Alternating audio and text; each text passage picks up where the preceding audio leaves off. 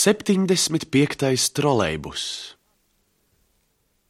Kādu rītu 75. trolejbus, kas kursē no Montverde veko līdz Fumes laukumam, nebrauca visu lejup uz Trastevēri, bet devās pavisam citā virzienā. Tas nogriezās uz Džanikolo, tad pagriezās uz veco Aurēliju Antika ceļu, un jau brītiņu vēlāk joņoja pa Romas ārpilsētas pļavām, gluži kā pavasara saulē saskurbis zaķis. Šajā stundā trolejbus pasažieri kā parasti bija kalpotāji. Viņi visi lasīja avīzes. Pat tie, kuri tās nepirka, viņi lasīja skatīdamies pār plecu kaimiņa avīzē. Līdz pēkšņi kāds seniors, pāršķirdams avīzes lapu, nejauši uzmet acis logam un stipri izbrīnījās.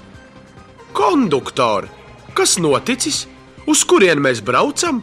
Kas tie par jokiem tā taču ir patvaļa?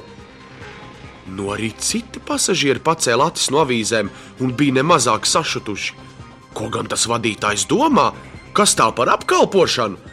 No šejienes Čivita Vekija ir vai ar roku aizsniedzama, bet tur jau sākas ārpilsētas vasarnīcas.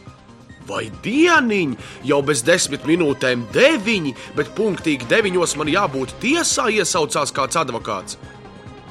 Konduktors un trolejbusa vadītājs kā vien spēdami centās atvairīt pasažieru uzbrukumus. Abi centās ieskaidrot braucējiem, ka nav viņu spēkos kaut ko mainīt. Trolejbus viņiem vairs neklausa un brauc pats, kur grib.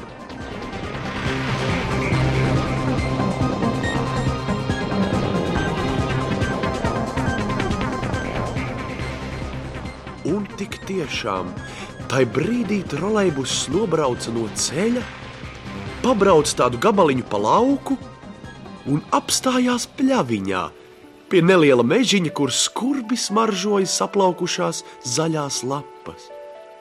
Vai! Alpu violītes, ciklamenes, kāda senjora iegavilējās. Kā tad?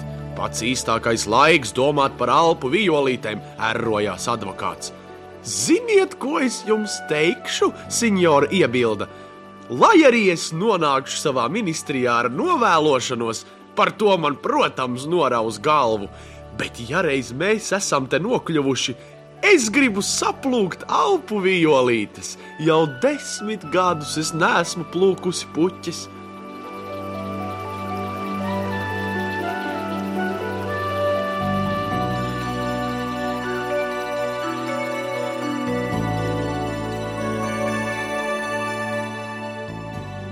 Viņi izkāpa no trolejbusa, ieelpoja pilnu krūti šī brīnumainā rīta tīro svaigo gaisu un sāka plūkt puķes.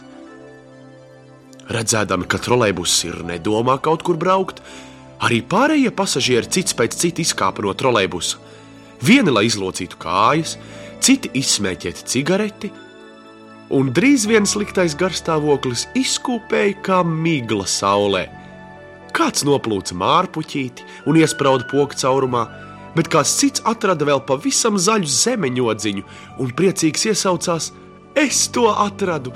Skatieties, es te atstāju zīmīti, un kad zemenīte būs nogatavojusies, es atnākšu un noplūkšu to, un lai tikai kāds uzdrīkstas to aiztikt. Viņš tik tiešām izplēsa no piezīmju blociņa lapiņu, uzsprauda to uz viciņas un iesprāda zemē blakus zemenītei. Uz lapiņas lieliem burtiem bija rakstīts Doktors Giulio Ballati.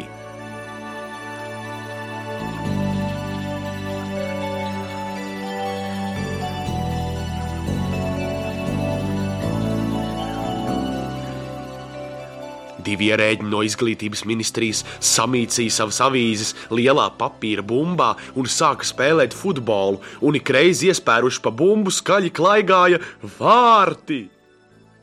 Vārdu sakot, pasažieri nemaz vairs nelīdzinājās tiem nopietnajiem un solīdajiem cilvēkiem, kuri vēl nu pat kā bija gatavi saraut gabalos trolejbusu vadītāju un konduktoru. Bet tie brālīgi dalīja savā starpā līdzpaņemtās brokastis un sarīkoja nelielu pikniku svaigā gaisā. Skatieties! Advokāts pēkšņi iesaucās. Trolejbus sakustējās, un lēni lēnītiņām ripoja prom no pļaviņas. Pasažieri tik tikko paspēja salēkt iekšā.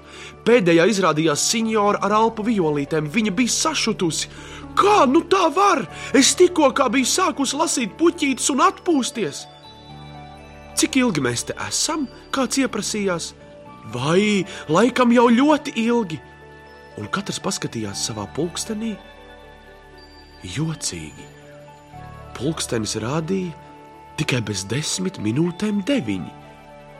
Acīm redzot, šī mazā ārpilsētas izbrauciena laikā pulksteņu rādītāji bija stāvējuši. Šis laiks vienkārši bija uzdāvināts cilvēkiem.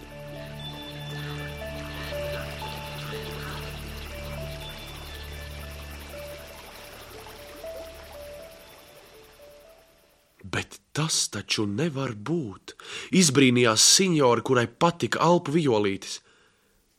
Trolēbus jau atkal ripoja pa savu maršrutu un nogriezās uz Dandolo ielu. Brīnījās visi, bet katram taču acu priekšā bija avīze, kur lapas pašā augšā bija skaidri rakstīts: Pirmā pavasara diena. Un pirmajā pavasara dienā viss ir iespējams. thank you